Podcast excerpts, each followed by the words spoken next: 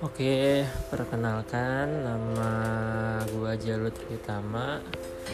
Gue lahir di Jakarta tanggal 22 Juni 1998. Ya, gue anak ketiga.